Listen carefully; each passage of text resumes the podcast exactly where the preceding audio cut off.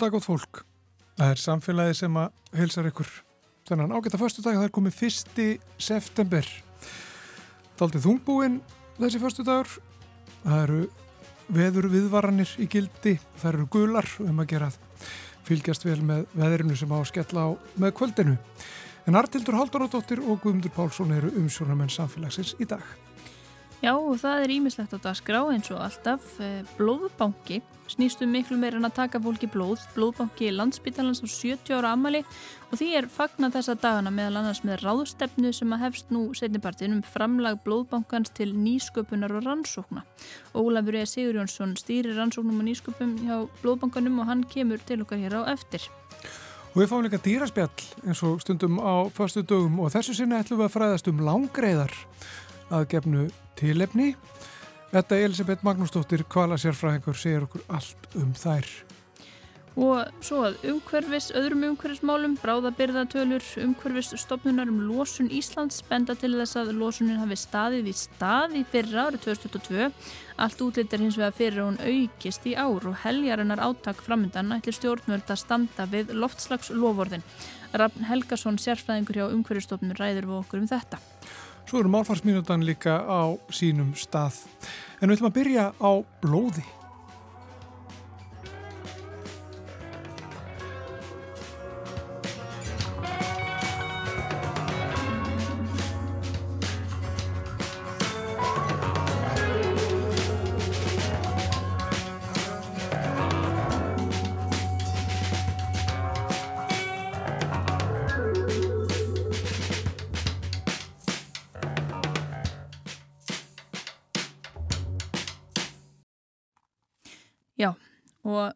Ætlum við að tala um blóð.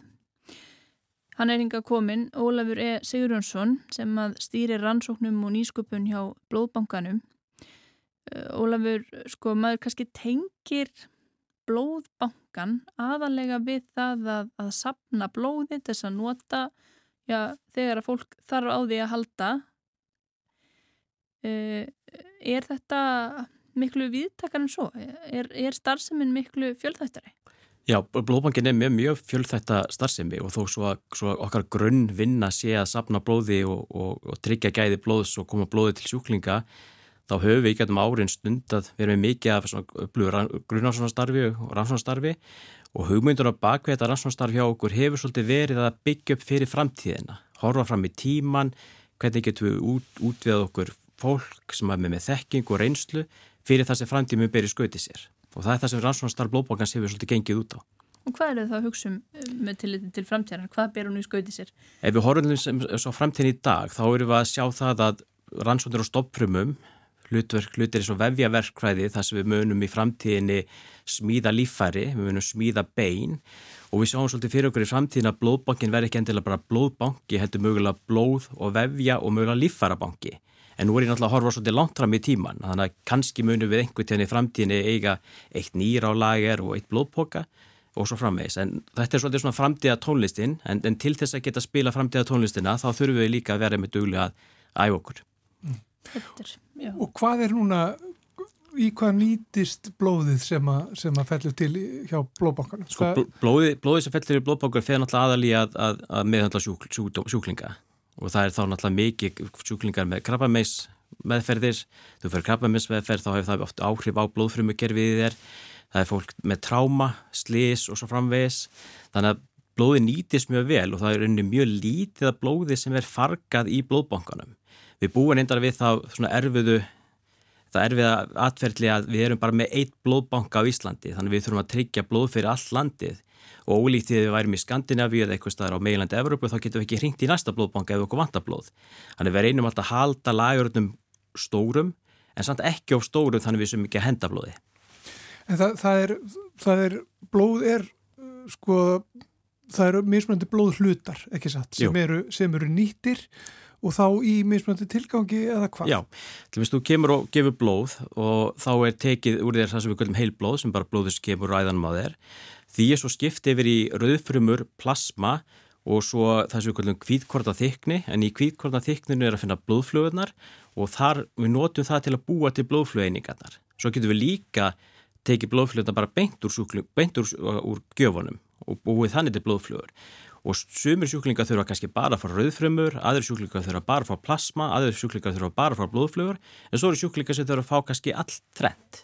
Þannig að þetta byggir svolítið eiga nóg fyrir alla á hverjum tíma. Að það er búið að vinna blóðið helling, það er ekki þannig að það sé bara tappað af og svo kannski eitthvað reynsaðið eitthvað og svo hérna dælt á, á Nei, bló, blóðbankin er unni framlýsustæður og, og, og það má svolítið líka svolítið við livjaðina en að við erum með, með þannig aðstöð að við þurfum að framleiða blóðhlutana og þess vegna höfum við blóðbankin í getum árin lagt mikla áherslu á gæðakerfi og gæðastarf og, og við erum, vorum eitthvað fyrstu blóðbankan á Norðurlöndunum til að fá ISO 9001 vottun og það var árið 2000 Þannig að við leggjum áherslu að það að allt, allt sem við gerum sé unnið innan gæðastæðla og innan verkarsegluna til að tryggja að gæðin að því blóðhlutur sem við framlegum séu alltaf jafn góð.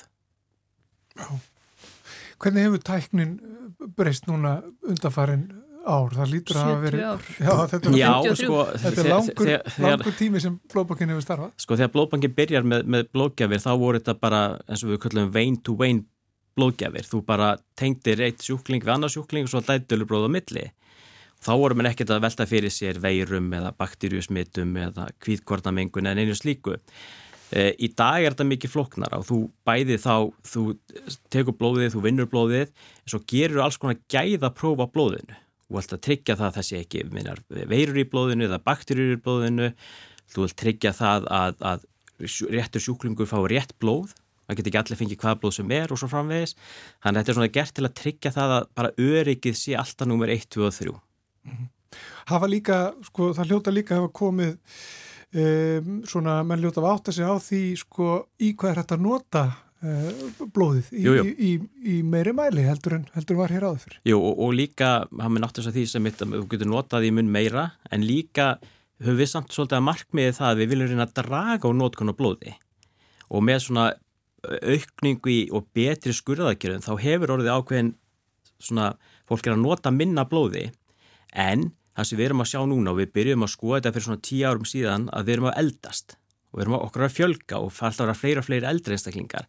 Þannig að við erum að sjá fram á það allir minnst í framtíði þá munum við þurfa meira blóði að því að meira gömlu fólki og gammalt fólk þarf meira blóð. Þannig að þetta er svona, eins og sé svolítið catch 22 við viljum, gef, viljum nota minna blóði en við sjáum fram á það að við munum þurfa meira blóð og við munum lendi vandræðum á næsta árum og áratugum með það að hafa nóga blóði. Og þá þarf að tryggja það að, að fólk sé djúlega að koma í blóðbákanu að gefa blóð og við nýtum það blóð sem við eigum eins vel og við getum. Sér ekki verið að henda því. Mm. og, og er þá ekkert sem að kemur í staðin fyrir Sko, men, menn, blóð þessa blóð hluta? menn hafa náttúrulega verið að velta fyrir sig mjög lengi að það sem kallaði gerfiblóð, það er synthetic blóð og, og, eða framleiða blóð og eitt af verkefnum sem við ætlum eins og við verðum að vinna með er að reyna að vinna með fólki sem er að búa til rauðfrumur úr stofnfrumum eða búa til blóðflugur úr stofnfrumum. Það er eitthvað svo horfum á í framtíðinni að við gæti mögulega þá í einhvers konar bæjureaktor kerfum reynilega framleitt blóð frá frumum, frá stofnfrumum og átt á alltaf nóga blóða lager. En það er svolítið framtíða tónlist og, og menn hefur drengt um þetta lengi, e, staðin í dag, við erum alltaf nálgast þetta, en þetta er ennþá alltaf svona einu, tveim skrifum undan okkur. Hvað er þetta langt inn í framtíðin heldur þetta? 20 ár? 50 Sko, þegar ég er að kenna vefverkvæðina í HR og nefndinu spyrjum út í þetta, þá segi ég alltaf 10 ár, en ég er búin að kenna það í 10 ár, þannig að það er bara... Eftir 10 ár. Eftir 10 ár. Eftir. En þú talar um, um stoppfrumur, sko. Hver, er aðkoma blóðbankars að, að til dæmis stoppfrumu, fólki sem að fyrir stoppfrumu meðferðir og þess Sko, að þar? blóðbankin og, og blóðlingadeildin sjáum svo kallar meðferð með, með blóðmyndustofnfrumum fyrir sjúklinga sem er gangast eins og, fólk með merkfrumæksli, lymfoma og svo slíka hluti. Og blóðbankin sér um að sapna stofnfrumunum, gera all geðaprófun á þeim, geima þeir því þú getur vilt ekki geimt gefa frumunar strax, heldur þetta geima þeir þá í, í, í miklu frosti.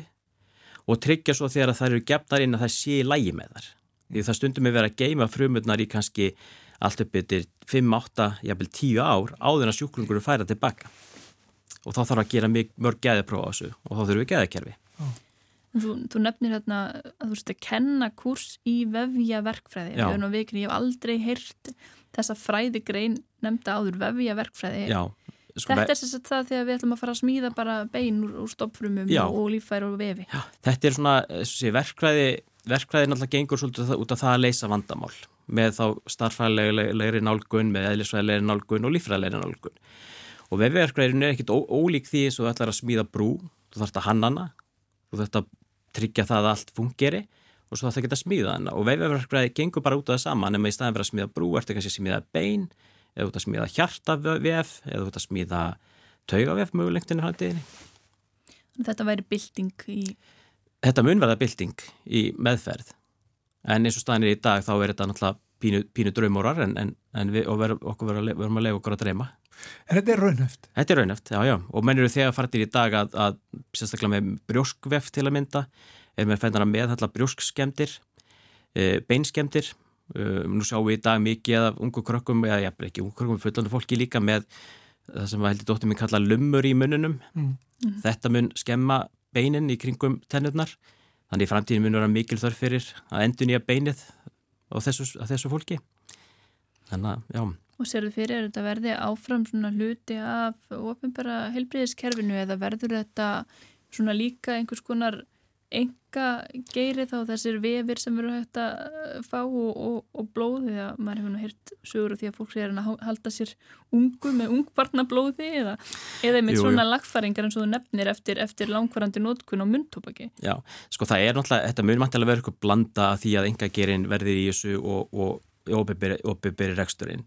Við munum alltaf þurfa enga gerin til að fjármagna þessu hluti því þetta, þessar rannsóknir eru dýrar og þetta mun kosta pening. Var þetta þessar hluti sem að vorum átt að lesa um að stoppfrumi sé að laga, laga þessa sjúkdóma eða lækta þetta sjúkdóma, laga hitt og þetta. Mikið af því er það sem við köllum eh, gerðvísindi, þetta er það sem við köllum stoppfrumi ferðamennsku eða stemcell tourism. Mm. og þá er fólk að fara kannski í einhver meðferði sem er ekki viðkendar það er búið að lofa því lækningu við nánast hverju sem er en þú farið ekki að lækningu. Og það er bara sem við, við myndum kalla þetta svona bara skem eða ja, svindl, Nú er blóbakinn 70 ára, Já. eldist ammaliðsbarnið vel? Ammaliðsbarnið eldist vel og er ekkert að fara á eftirlun og við sjáum bara fram á það að það verður alltaf meir og meiri þörf fyrir blóbankan. Eh, við erum náttúrulega, erum núna hattanir á Snorrabröð 60, gamla skátahefilni fyrir þá sem veru aðeins eldri. Eh, í framtíðin munum við flytja í nýja rannsónahúsið sem verður að byggja á landsbytturlóðinni og þar verður aðstæðan náttúrulega mun mun betur en hún er í dag Við reynum að forgrásta það svolítið það að taka vel á mót okkar blóðgjöfum, hafa góða aðstöð fyrir þau og, og, og góða mat. Það er nummer 1, 2 og 3 að menn fáið sitt rúbröð með sinni kæfu þegar þið koma að gefa blóð. Það er hefð bara. Það er hefð og í, í COVID-19 þau verðum að færa okkur svolítið út úr því og yfir í svona forpakkaðar máltíð þá var mikið hvart af því að vera ekkert rúbröð með kæfu. Þannig að við erum komið það aftur. Já, sem betur fyrr. Uh, en gaman að fá því heimsókn Ólafrið Sigurjónsson hjá Blóbankanum. Takk fyrir komuna. Takk fyrir mig. Takk, takk. takk fyrir.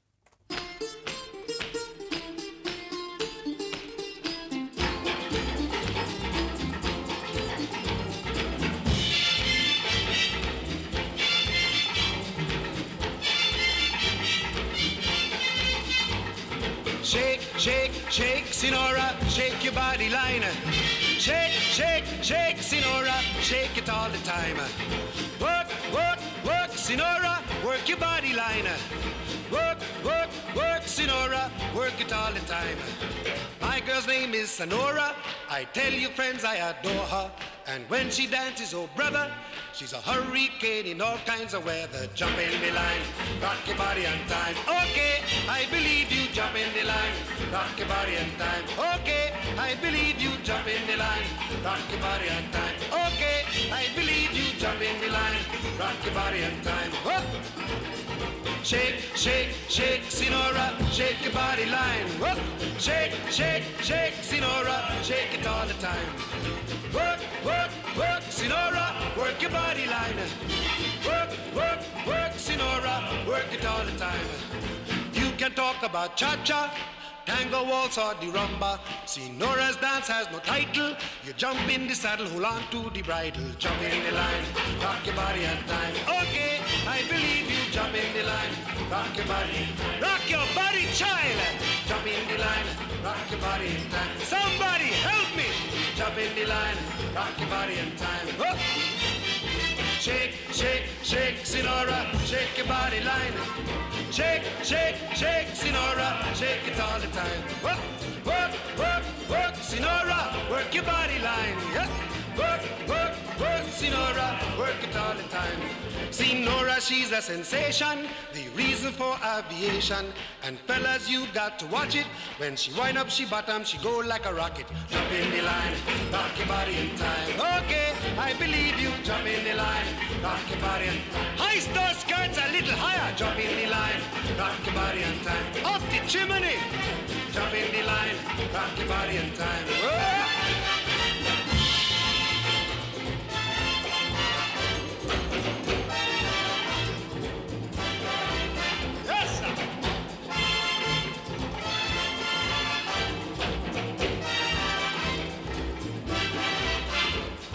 Shake, shake, shake, Sinora. Shake your body line. Work, work, work, Sinora. Work it all the time. Dance, dance, dance, Sinora. Dance it all the time. Work, work, work, Sinora. Work it all the time. Sinora dances calypso. Left to right is the tempo. And when she gets the sensation, she go up in the air, come down in slow motion. Jump in the line, rock your body in time. Okay, I believe you. Jump in the line, rock your body in time. Somebody help me. Jump in the line, rock your body in time.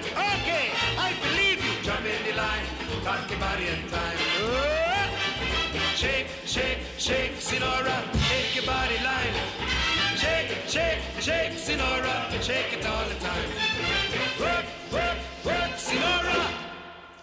Harry Belafonte og lagið Jump in the Line.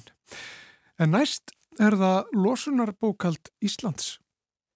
Eh, Ef þú bara byrjar á að, að kynna þig og, og segja mér hvað þú gerir hjá umhverfstofnun. Já, ég heiti Rafn Helgason og ég starfa hjá umhverfstofnun í teimi Losunar bókalds og við í Losunar bókaldi við reiknum út Losun Íslands og ég hef það hlutverk að setja niðurstöðunar okkar í, í e, myndrænt efni og, og miðlaðum áfram. Þannig að ég er umsjónamaður miðlunar á Losunar bókaldi Íslands. Og vantarlega búið að vera nóg að gera hjá þeir undarfærið þegar þið voruð að byrta í gær bráðabyrða tölur yfir já, þá losun Íslands sem er á bytni ábyrð stjórnvalda eins og þetta heitir í kerfinu sem við kalla þetta samfélagslosun. Þið voru að byrta þær í gær. Hvað svona var það markverðasta við þær niðurstöður, þessar bráðabyrða niðurstöður? Já, við byrtum sér satt bráðabæra niðurstöðunar okkar í gær og þar kemur fram bæði losun sem að fellur undir beina ábyrði Íslands eins og þú nefnir en einnig losun sem fellur þá undir viðskiptakerfi Európusambandsins með losunheimildir. Og þar fellur undir stóriðjan og, og að hluta til alþjóðasamgöngur. En það er rétt að það var svona megin áhersla lögð í, í efnin okkar á losun og ábyrði Íslands. Og það sem er kannski helst fréttnæmt þar er að Já, losun stendur í stað milli ára. Það eru nokkri þættir sem að vekja manni von. Það til dæmis lækkar, minkar losun frá kælimiðlum annað ári í rauð og töluvert. Það er svona hægt að sjá fyrir sér að, að þarna séu ákveðna reglur og, og kvótar að, að virka í, í þessara viðleitna okkar í loftasmálum. Svo er það losun frá fiskiskipum sem að los, dregst saman töluvert. Um, þar kemur inn í að losun frá erlendum fiskiskipum er einnig að dragast mikið, draga mikið úr þeim hér á landi og kannski erfitt að álíkta að, þetta sé tilkomið vegna einungis orkunýtnari skipa eða annara þáttar sem að tengjast lofslagsvegferðinni beint. En svo eru þarna aðrir þættir sem að vaksa á móti, um, það er að segja fiskimjölsversmiðunar, þar eikslósun töluvert. Já, bara mörg hundru prósent. Já, það eru 480% ef maður rétt og e, samaskapi eikslósun frá rafmagni og húsitun sem er svolítið að sama meiði og fiskimjölsversmiðunar vegna þess að þarna kemur til raforku skortur sem átti sér stað þarna Já, í lokárs 2021 þá tilkynnti landsverkinum um, um að dreyið yrði úr afhendingu á rávorku til þeirra sem voru með skerðanlega rávorkusamninga og, og þá kemur náttúrulega bara eitt í staðinn og það er uh, jarðar með elseti. Og aukningin, ef við, ef við tölum um, um hana, sko það, það er líka aukning frá vegasamgöngum. Já, vegasamgöngur halda áfram að aukast, það er hann 8% aukning sem er töluvert fyrir vegasamgöngur því það er nú þegar stærsti flokkurinn sem fellir undir beina ábyrð Íslands og við tengjum þetta svona einhverju leiti við það að á sama tíma vex fjöldi ferðamanna úr 700.000 í 1,7 miljón og einhver staðar þurfum að þessi ferðamanni keira eh, það er ekki kannski allir ferðamenn sem nota rámaspíla eh, við erum ekki með gögnum það hjá okkur en, en við getum svona að gefa okkur þær fórsundur að, að tölur fjöldi ferðamanna noti bíla sem ganga fyrir jarðarna elsniti og svo eru náttúrulega bara mögulega ferðavennjur í Íslandinga, kannski eru við að keira meira hann að milla ára en, en við vitum líka að það er umtalsverð aukning í rafbílasölu og við sjáum það bara tölunum að það er, það er mikil aukning í rafvæðingu bílaflótans en þessi... En það skila sér kannski ekki inn í, í bókaldsflokkin losun frá veðarsamgöngum? Já, það skila sér inn í að vissu leiti en, en, en aukningin í, í akstri vegur þingra. Þannig að við sjáum þarna að, að samt, samtals vex losum frá vegarsamgöngum þrátt fyrir rafbílavæðingu eins og hann er núna. Við getum kannski þá álegt að ef að ekki væri þessi rafbílavæðing, þessi aukna rafbílavæðinga, þá væri þetta tölvert meiri aukning. Já, það er hægt að gefa sér þær fórsundur, já, algjörlega.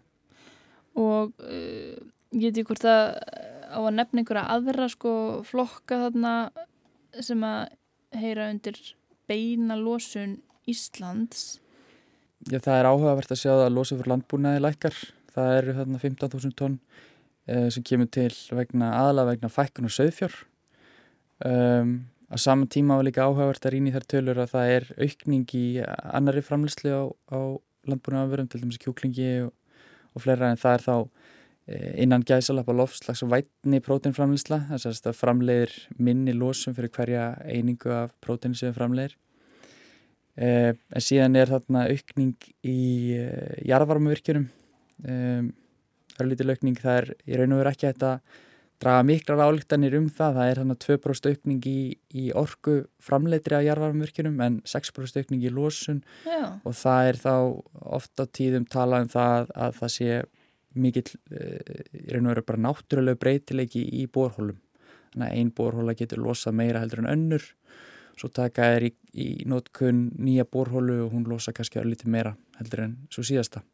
Og gerðarmarvirkjanir, þetta er kannski ekki yfirnaður sem að losa mikið svona í stóra samhenginu en, en nú hafa ymsar svona aðferði til að fanga kólefni og, og gasi grjót hjá Karpvíks og allt það beinsvöldi að gerðarmarvirkjunum við erum ekki fara að sjá neitt árangur af því, það kannski sér ekki högg á vatni Já, það, það er reyndar, við sjáum árangur af því. Það er eh, losum frá jarðvarma virkunum eh, er um það byl eh, ef maður rétt tæp 7% af losuna beinaður Íslands eða 190.000 tonn árið 2020 ef maður rétt þá er er Karpvíks að farga þarna á sama tíma eitthvað í kringum 10.000 tonn þannig að það leipur kannski á einhverjum 5% eða eitthvað svo leis Já, munar, munar alveg um það. Það munar alveg um það og það eru áform um það að, að, að auka getu Karpvíks á hellisegi um að, að farga meira magni þar og svo eru náttúrulega hugmyndir um að færa út kvíarnar í, í þessari vegferð sko, á fleiri Já. staði. Eh, Eitt af það við segjum skiljum við þessa töflu hérna sem ég er að skoða á, á vefnum hjá ykkur yfir losunar flokka og breytingar hvort það hefur orðið aukningaði samdráttur. Það talaði þarna um fiskiskip þar er samdráttur upp á 16% og skýringin sem er gefin er minni eldsneitirskaup hérlendis.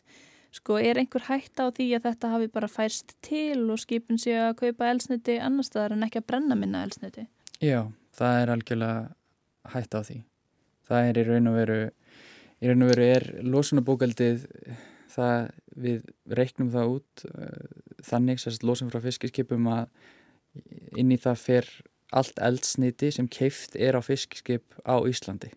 Óháð því hvort þetta sé uh, erlend fiskiskip eða Íslandst og uh, við sáum þarna millir 2021 og 2022 að, að elsnitiskaup erlendra fiskiskipa dróðist saman um, eftir 66% á meðan elsnitiskaup íslenskra fiskiskipa dróðist saman um 6%. Þannig að... Uh, Elsniti kannski bara hagstæðara annar staðar? Já, það er örgulega margar svona uh, ástæður fyrir því.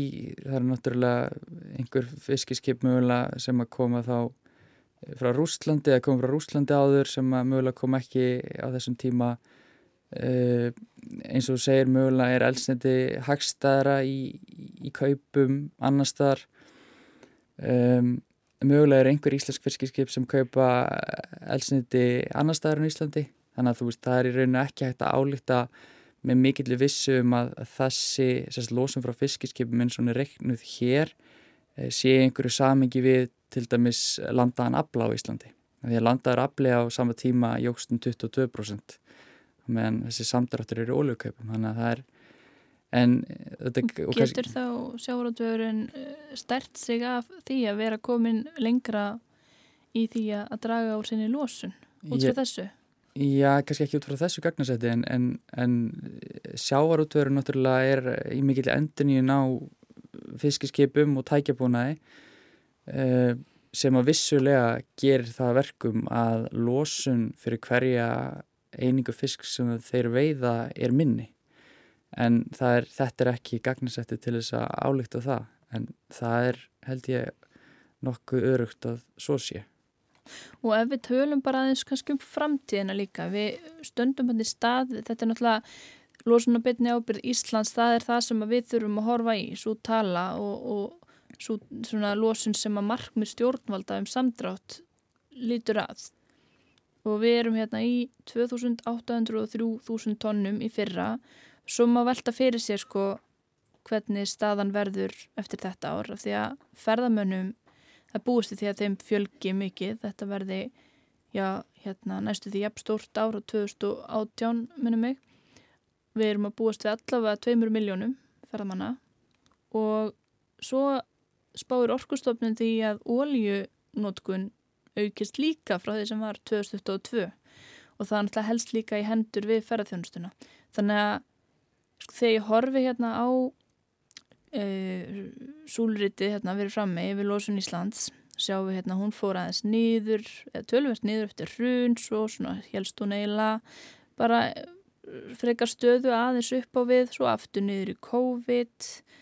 Og planið er að fara bara rosalega bratt niður og minga losun á næstu 7 árum um tæplega 50% en það er eiginlega allt útlitt samt fyrir að losunum aukist á næsta ári. Já, þetta er grafið sem þú ert að horfa þarna sínir í og veru línu niður á við frá árinu 2022 sem að endur speiklar þá e, svona meðaltal samdrátt sem við þurfum að ná ef við ætlum að ná markmiði sem kemur fram í stjórnarsáttmála ríkistjórnarinnar um 55% samdrátt árið 2030 með 2005 og þetta er svona meðaltali ef við, ef við horfum svona línulega á þetta ferli og gefum okkur það veði um það byrja línulegt þá er að tala um svona meðaltali 8% samdrátt ári. Og Það er rosalega mikið. Það er, já, það er umtalsverður samdráttur og eins og þú segir þá stöndum við hérna í staðmiðli 2021 og 2022 og, og þessar tölur sem þú nefnir um um, um aukin fjöldaferðamanna á næsta, á næsta ári eða þessu ári og, og aukin aukna elsnetis sölu, það já, gefur í raun og veru auga leiða, það mun leiða til aukina lósunar uh, Og þá munum við horfa upp á þessa línu verða brattar og brattar þegar við erum í rauninni að senka því að fara í mikinn samdrátt í lósun Þannig að ef að við förum ekki að, að minga losunina að þá verðum við komin í það að þurfa bara að minga losununum 50% á einu ári sem að ég held að sé aldrei að fara að gerast svo ég segi eins og er. Já það er náttúrulega mjög áhugavert að velta fyrir sér hvernig þessi kurva verður að því gefnum að við náum þessu markmiði. Eh, þess byrja að geta að við erum með alþjóðlega skuldbindningar fyrir nákvæmlega sömu losun sem er ekki eins íþýngjandi og markmiði í stjórnarsáttmálunum uh, þannig að við þurfum allavega að við verðum að ná því og hérna Hvað er það mikið? Því að þetta er alltaf að tala um að við þurfum að semja við Európa-sambandið og nú regum okkar hlutild í sameilu markmiði við erum búin að setja sjálfstætt markmiðum 55%, það er þá ekki alveg jafngildandi eða jafn lagalega bindandi og, og okkar alþjóðlugu skuldbindingar, þannig að kannski geta stjórnvöld slaufa því og farið þá bara í hitt, en hvað er það þá mikill samdráttur sem að er búið ákveða? Já, sko, það er í raun og veru fram til þessa höfum við verið með markmið på 29% samdrátt. Það eh, breytist og er að breytast núna í kjölfar þess að Europasambandið setur fram þennan pakka sem er kölluð Fit for 55 eða Færi 55, skemmtileg nafn. Eh, þar fá eins og þú nefnir ríki ný hluteldarmarkmið fyrir losun og beitni ábyrð ríkisins. Það er verið að útfæra og klára af umhverjus orku og loftasræðanutinu hver nákvæmlega svo talaverður en e, samkvæmt bráðabera útreikningum með við þær forsendur sem gefnar eru í regluverkinu að þá verður það einhver starf á bilinu 40-41% samdráttur. Þannig að þá sjáum við munirinn hérna, á, á alþjóðlegu skuldbindingun annars vegar verður þá í kringum 41% og síðan á markmiðinu sem er sett fram í stjórnarsáttmála er 55%. Hvernig sér þú þetta fyrir þér? Þegar segjum að stjórnvöld fari svona metnaðalösari leiðina og velja þarna þetta markmiðum í kringum hvað 42%? Já, 41% 41% já, já. Uh, þá er það samt nokkur prósent á ári. Við erum búin að vera í því að ná horfum bara á að við erum búin að ná 12% samdrætti frá 2005 þannig að það er innan við 1% samdrættur á ári að meðaltali en núna þurfum við þá að fara í hérna uh, ég var reiknað þetta út hérna 41% á, á hvað 7, 7 árum? Já, úr 12% samdrætti sem við höfum náði í 41% Jú, það er vissulega mjög brött lína líka. Það er alveg óhætt að segja það. Uh, Góðu fréttinnar eru þær að, að við erum með áallanir í bæði núgildandi aðgerra áallun og svo er verið að nefndi umhverjus orku og loftasráð þeirra í, í kastljósi fyrir nokkru mánu um að nýja aðgerra áallin myndi lítið dagsins ljós desember, ef maður rétt. Síðan eins og ég nefndi á þann þá er, þá er verið að auka getu til kolumns förgunar uh, og það er alveg fyrir eitthvað skýr áform um það. En eftir sem aður eins og þú segir þá er þetta þá er þetta hérna þetta er þetta er, þetta, þetta er brött brattur samdráttur það er alveg óvægt að segja það. Og uh, já, það er hérna.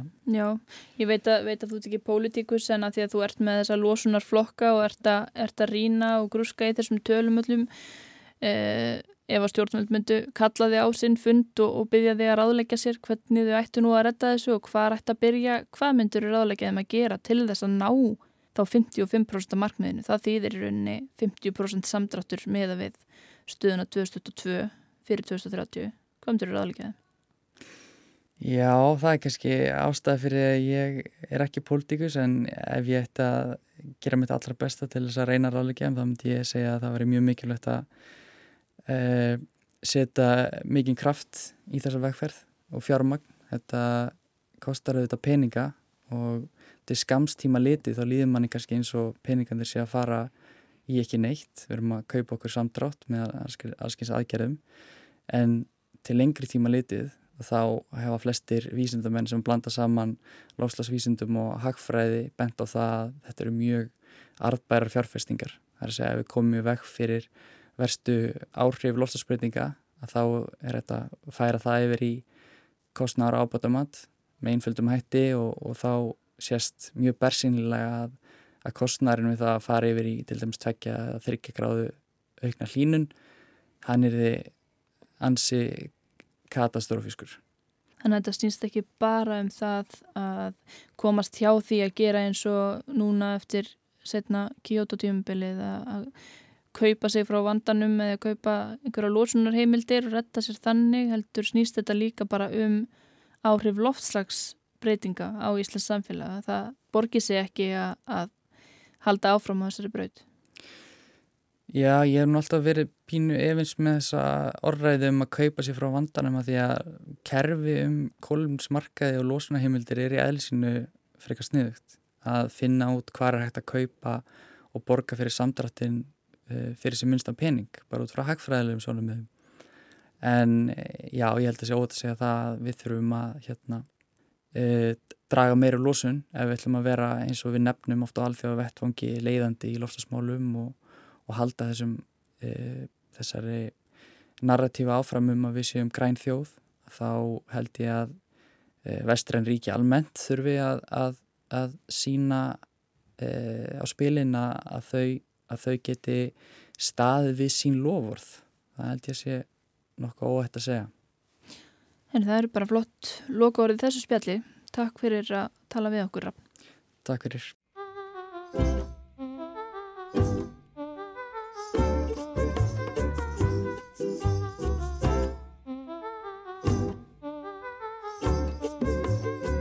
Veðurfræðingar ljúa, það er klárt þeir segja aldrei satt.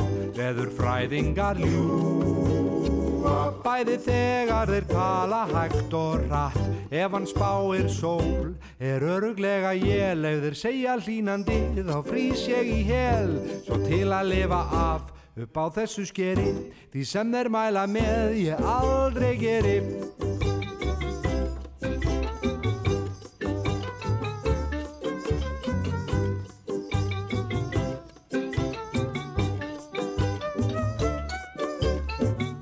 Veður fræðingar ljúa Þú hefur aldrei getað á þá treyst Veður fræðingar ljúa Og en þá hefur ekkert breyst Eitt sinn veður fræðing sá Sem virtist nokkuð vætn En ég var ungur þá. Og þess vegna alveg græt Næsta dag í ríðar bil Þótt spáði þið hann sól Á stuttbuksum ég stóð Eins og alveg út úr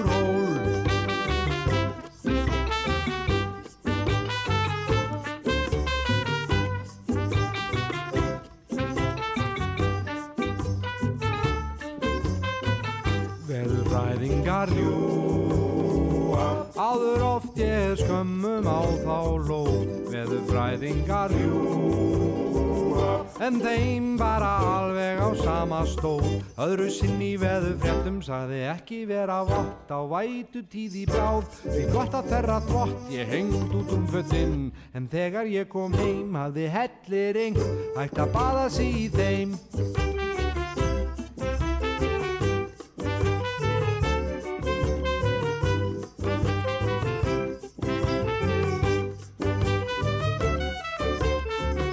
Veður fræðingar ljúa Ef þau segja kall þá verður heitt.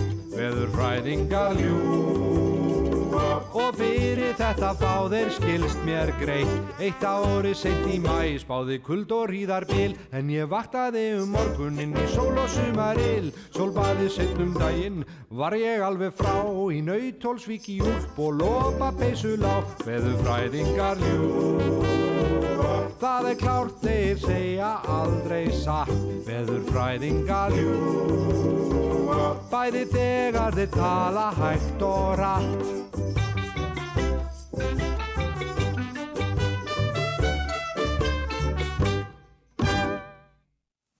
Já, þetta var lagið Veðurfræðingar með bókumil Font og Flís.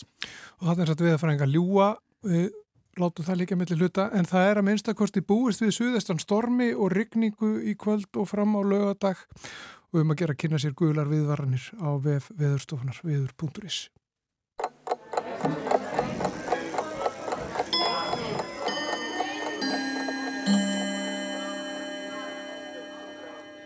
Orðið skúta merkir sem kunnugt er seglskip. Í setni tíð er farið að nota líka um nýja tegund rafknúina farartækja og er þá talað um rafskútur. En þóttu tengjum orðið einna helst við skip hefur það ymsar aðrar merkingar sem ekki eru endilega mjög algengar. Skúta er til dæmis til í merkingunni móðgunar yrði eða ávítur og þá oft notað í fleirtölu. Það er líka til í karlkinni skúti.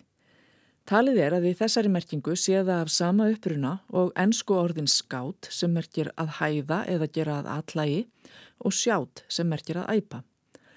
Af orðinu skúta eða skúti í þessari merkingu er leitt sögnin að skúta sem merkir að aðtyrða eða ávita. Skúta er einnig orð yfir smájél.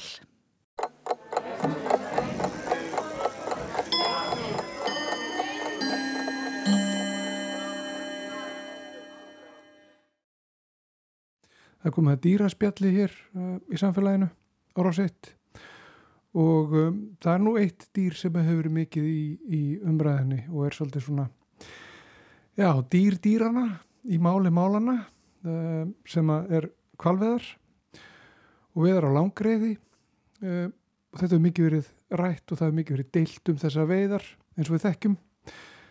Við ætlum eins og vera að, að komast að því hvaða dýr þetta er hvernig lifnarættir þessa dýrs eru og svo framvís og hér er Edda Elisabeth Magnúsdóttir. Hún er lektor í lífræði við Mentavistarsvið Háskóla Íslands og kvala sérfræðingur við höfum nú talað áður við þig um sjáarspendir og sérstaklega kvali uh, við talum um hnúfubaka við þig fyrir ekkert löngu síðan. Nú er það langreðar uh, hefur að byrja því kannski bara svona að koma henni fyrir ykkur neginn í hérna uh, í ykkur, ykkur skúfu sem að heitir kvalir í hvað skúfu lendir lenda langriðar. Setja það í eitthvað samhengi. Já. Það er einmitt það sem við gerum með dýraríki. Við reynum að flokka það svo við skiljum það en þú talar hans um hnúbaka og langriðar og hnúbakar eru einmitt mjög náskildi reyðarkvalir og ég sagði reyðarkvalir það eru þess að kvalir sem hafa skýði í staðan fyrir tennur, nota það sem síuna búnað og reyðarkvalurinn sérstaklega meðal skýðiskvala hefur svona þetta rengi undir neðri kjálka sem að gera það verkum að það tegist út þegar hann getur. Þannig að þessi kvalir við halda strömlínulögun sinni uh, þegar þeir eru að synda um, um heimsins höf en svo þegar sagt, þeir eru að geta að þá rétt að því augnabliki að þá þennst út uh, munhólið vegna þess að þetta rengi er svona tegjanlegt og uh, þau geta markfalda sérst rúmmál uh, munnhólsins. Og þannig er, er þeir uppbúrslega aðlagaðir að því að geta mikið af smarri og næringaríkri fæðu eins og átu. Og svo þeir eru búin að geta að þá frussaður út úr sér vatninu og, og á skýðunum setur smá að fæðan eftir. Og nota svo þess að gríðarstóra tungu síðan til þess að sleik leggja fæðina af og, og, og svolgar henni í sig. Uh, og svo dregst strengið saman. Þannig að að fæðu öflun lokinni þá er hann aftur orðinu svona ofbúslega strömlinu löguð og það er svona kannski eitt af því sem að gerir langreðina sérstaka í sínum hópi kvala að hún er ofbúslega hraðsind hún er strömlínu löguð eins og já, flesti reyðar kvalir en það er eitthvað við bara hérna, hlutföll hennar að það gerir hana mjög hraðsynda í hópi kvala og með þeim hraðsyndustu og uh, það gerir henni kleift að fara hratt miklar vegalengdir á stöttum tíma án þess að eigða mjög mikill orku til þess að leita að fæðu því að þetta er náttúrulega lífsins barátt að sífælt út í sjónum að finna uh, góðar fæð, fæðilendur og, og þær leita upp í svæði það sem eru líkur á að sé mikið af æti og þar alveg sérstaklega átu. En uh, það er einmitt það sem að e, ef við förum örlíti eftir í tíman það er svolítið hvaðan komið sér kvalir og það er einmitt langriðarnar að þær eru einmitt eins og aðri skýðiskvalir koma fram á sjónasviði þegar áta og átu tegundir uh, fara verulega fjölgandi. Þetta gerist í rauninu um það leiti sem að söðurskautið robnar frá Suður Ameríku og það mynda söðurskauts ringströmmurinn og það myndast með sérstakar aðstæðar á jörðinni sem að íta undir tegundafjölbreytileika og tegundamyndun svifþurunga og, og átu og þetta hefur svona lagt grunninn að því að skýðiskvalir þróðust er, og, og það svona minnur okkur á að þessi kvalir eru að þróast í aðstæðum þar sem að er nægt æti, annars hefur aldrei komast fram á sjónasveiðið, annars hefur aldrei geta verið í þessu formi sem til dæmis languröðurinn hefur verið í kannski cirka 10 miljónir ára og er ennþá lifandi í dag, svo að það er lifa í hafi sem að halda uppi þessum mikla uh, orkuð þörfa líkama en svo höfum við svolítið verið að fjallum líka og við höfum verið að reyna að auka svona kannski skilning fólks á tengingu þessara kvala við umhverfu sitt. Að þær eru náttúrulega geima í sig mikinn lífmassa og kólefni vissulega og binda það á sínu líftíma en uh, það skilja líka frá sér mikill í næringu bæði efrileg sjávar með þeirra lifandi og uh, næringin er mikilvæg fyrir frumfræðumleðendur sem eru þörungarnir sem svo átan eða smá krabbat í rétta sem átan svo getur og svo sem þær geta. Þannig að þær eru í svona góðri, góðu jafnbæði við sitt umhverfi og, og það sýnir sig að, að þau hafa ekki getist út á gattin allavega e, á þessum á, miljónum ára sem þær hafa verið hérna til. Svo þetta er svona, svona kannski lífræðilegi grunnurinn af hvað eru langreiðar og, og þessi hópur skýðiskvala. Og hvað verða langreiðar stórar? Og, og ef við setjum það aftur í, í, í samhengi, við vitum að steipiröðurinn hún er langstærst og hvað er langreiður í, í rauðinni? Já, langriðurinn er númið tvö í rauðinni hún er ekkert mikið minna en steipireyður. Steipireyðar uh, og, og langriðar eru reyndar svona það er svolítið svæðaskipt hversu stórar þar geta orðið en langriður getur orðið alltaf svona 23 metrar. Uh, steipireyðurinn og skarast alveg á við stær steipireyðurinn og þó hún geta alveg náð eflust eru hæstu mörku eitthvað kringu 30 metrar. Það er alltaf gífurleg ferlíki. Uh, en En 20 til 23 metra langt dýr er gífilega stort og, og í kringum 26 ára aldurinn er þeir að ná þessari hámarkstærð sinni. Uh, en þær verða kynfrásköftur á móti svona í kringum 6 til 10 ára gamlar og það telst kannski ekki, ekki mjög gammalt í hugum okkar mannsins en aftur á móti svona í spendiríkinu þá er það ekkert voðalega snemt heldur uh, en, en svo hvernig það er farað að ekslast það er náttúrulega bara allur gangur á því og, uh, og það er svona ná að ekslast eða verða kálfa fullar svona annað þriðja hvert ár, við svo má segja. Og verða hvað gamlar? Og þær eh, languðurinn talin geta náð um 90 ára aldri, sumir vilja segja meira og eh, þær sem eru veittar hér við Ísland eru nú mikið til hann í kringum með hennan 20 eitthvað ára aldur. Uh, en, en þetta er svona, þetta er svo litið á reiki en svona eldstu kvalir sem hafa verið þá veitir í hérna gegnum tíðina og hafa, hefur verið reynd að meta aldur að þá er talið að það getur orðið, sumir segja 120 ára, aðri segja 90 ára en uh, það er alveg nokkuð ljóst að það geta náð háum aldri, kannski svona sambarlegt um aðurinn. Jaha. Og er það, er það svona svipað og, og aðri kvalir eða? Það er svolítið svona nokkuð nokku leiti í samangi við stærð en uh, að hnúfubakar sem eru öllu minni sem verða kannski svona um 15 metra langir eða svo talið að þeir geta orðið eitthvað stóra bilinu 40 til 80 ára. En svo erum við með kval til dæmi sem heiti Grænlands léttbakurinn og er aðeins fráskildari, hann er ekki reyðarkvalur en hann er skýðiskvalur, þetta er annar hópur á kvalum en uh, það er talið að hann geti náðu kringum 200 ára aldri sem er náttúrulega alveg svakalegt en það er ekki búið að sanna það með fullri vissu -hmm. en þar hafa fundist uh, hundgamlir spjótsóttar í þeim sem að, uh, eru yfir 200 ára gamlir svo það er sagt, hefur verið áætlað að spjótsótturinn sé það frá cirka þeim tíma sem hann var framlitur en svo gæti líka verið að þarna hafa einhver verið að nota gamlan spjótsótt uh, aðeins síðar. En það er svona það, þær ansóknir hafa sínt að það, þeir kvalir hafi allavega farið yfir vel yfir 100 ára aldurinn. Svo þetta er ekki alveg stærðartengt en stærri kvalitnir eru líklega til að verða eldri en þeir yngri. Ef við til dæmis skoðum höfurunga, jafnvel háhyrninga, að þar eru við að tala um svona kringum 40 ára aldurinn svona ef þeir ná langlífi. Svo þetta er mismunandi, milli kvalategunda, en þarna erum við með kvali sem geta orðið miklu röldungar ekki spurning og getum bara rétt ímynda okkur að á segjum ef langreður til dæmis eða hvað þá sléttbakur náðu sem há aldri sínum hugsaðu þér breytingarna sem að dýrið hefur upplifað í, í hafinu á sínu tíma.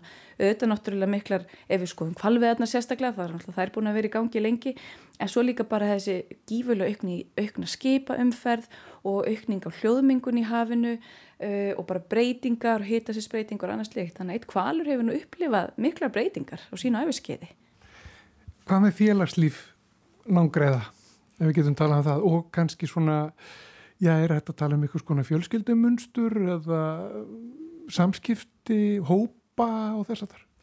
Hópamyndun ekki spurning. Meðal skýðiskvæla þá er minna um þessi, þessa langlífu fjölskylduhópa eins og við þekkjum hjá höfrungategundum eins og við þekkjum hjá uh, okkur mannfólkinu eða öpum. Það er svona ekki þessi langlífi hérna, fjölskyldtópar, langlífi fjölskyldtópar með mikinn skildleika. En uh, þannig að skýðiskvalir hafa svona svolítið, við höfum séð á sem svolítið einfara hafsins en þeir eru ekki einfarar, þeir eru bara meiri tækifæri sinnar í félagshægðun og geta uh, unnið saman án þess að hafa þekst í langan tíma og til þess notaðu hljóðmerki og maður sér þess að samfunnu aðalega koma fram í, á veiðasvæðum eða á fæðisvæðum vegna þess að það er mjög algengt hvort sem að það séu langreiðar, steipireiðar, núfubakar að þau vinnir saman að fæðaöfluna því að það virkar betur.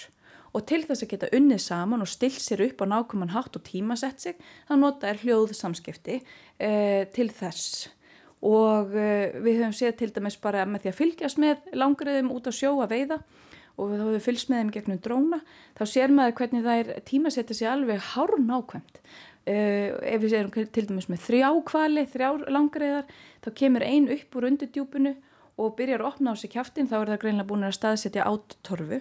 Svo kemur önnur nokkrum sekundum á eftir í svona kannski meters fjarlæð aðeins fyrir aftan og svo, svo þriðja uh, jafnlant frá þeirri nummer tvö og þetta tímasett þetta alveg hérna virðist vera nokkuð hárun ákvæmt og þannig virðast það vera bara auka uh, líkurnar á skilverkni í veiðum. Þannig að þær græða frekar á að vinna saman heldur en að vera einar.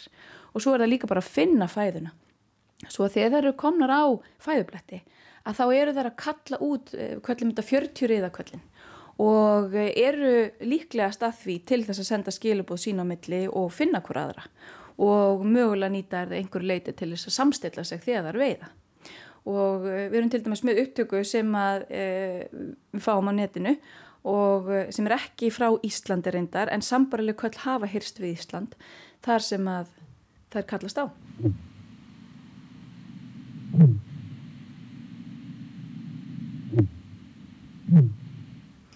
Og þetta eru svona mjög djúpur hljóðpúlsar uh, og svona djúpir hljóðpúlsar með mik mikill orku þeir berast langar leiðir.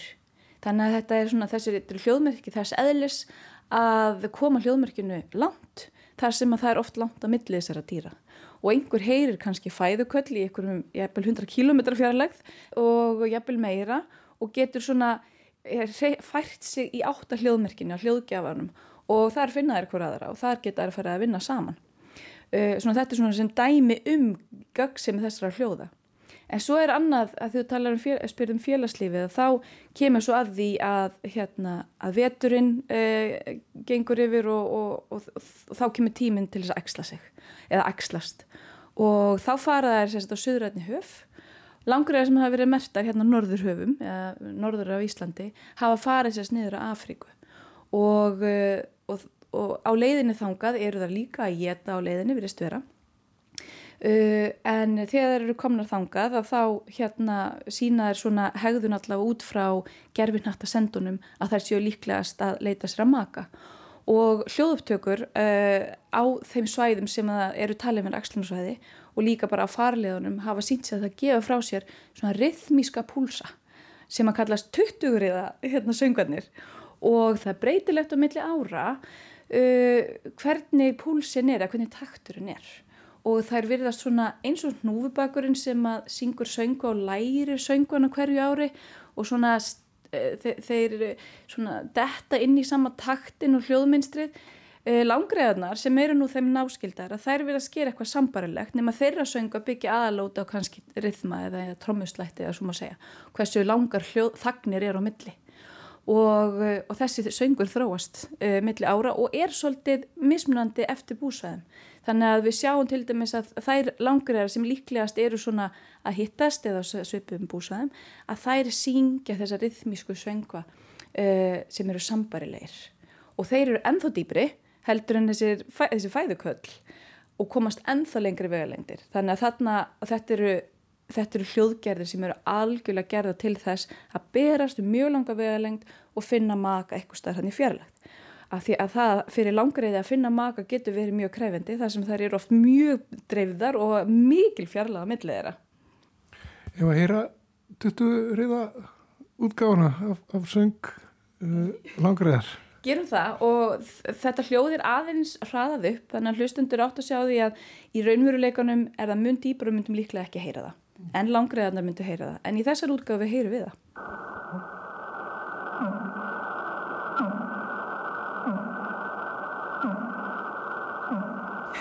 Þetta var trómuslátturinn þetta árið. Já, einmitt. Og þarna skiptir þögnin miklu máli þess að segir, á milli, milli þessara hljóðmerkja. Já, áhugavert nokk að það var það sem að vísindafólk sem er að greinsasöngu hefur fundið út úr að það eru aðalega þessar þagnir á milli sem skipta máli til þess að þær uh, mögulega þá kannski þekki söngu að sinna tegundar og uh, reyni og svo eins og með núbækin sko að þar uh, virðast þeir partur á hefninni að læra söngin og það gæti verið að það sé partur af uh, hefni sagt, kallkynst þá langræðar, þetta eru kalldýrin sem eru að syngja, að hann geti syngt fram á, hann geti dottið inn í sama rithma. Þannig að uh, rið, sérst, hljóðmerkið sjálft er til þess að berast langa leið en þagnirnar á milli eru til þess að senda einhver skilabóð sem við erum ekki alveg búin að lesa inn í. En það er ótrúlega áhugavert og við erum sífælt að læra meira. Þetta eru dýr sem að lifa úti á rúmsjó langt frá landi og er mjög krefjandi að rannsaka. Þannig að það þarf mjög sérhæðan búnað og, og oft langar, hérna, uh, langar leiðangra til þess að komast að þeim upplýsingum. En svo nýtu við okkur auðvitað líka upplýsingar sem við höfum af öðrum kvölum sem er aðgengilegri, eins og húfabakkurinn er jú náskildur langreiðinni til þess að svona átt okkur aðeins á lífi og tilveru þessara dýra. En félagsamskipti er það en gífulega mikilvæg og samvinna svo að því leiti til er þetta hópdýr en ekki hópdýr sem að mynda tengsl við einn einstakling til lengri tíma.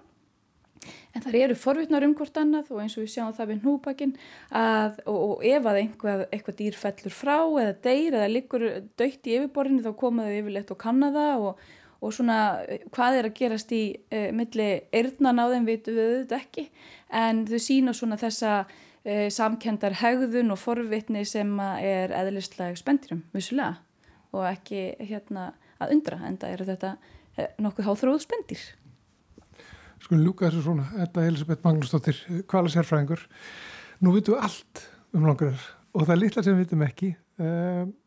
Það lítur bara í ljós brálega, þannig að það er alltaf verið að rannsaka þessi dýr.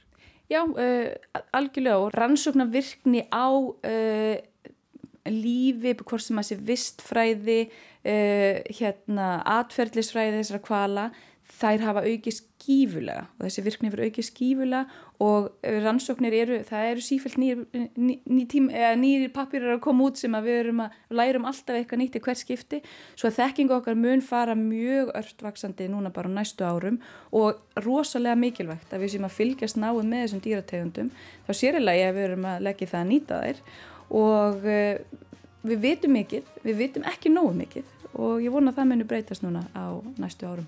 Takk fyrir þetta. Takk fyrir. Sæði þetta Elisabeth Magnúsdóttir um langriðar og laug þannig þætti dagsins. Samfélagið verður ekki lengra að þessu sinni þessa vikuna. Nei, við bara óskum ykkur góðrar helgar og fariði varlega ef skekkinnaði kemi vond veður, stormur, hauststormur. Verið sæl.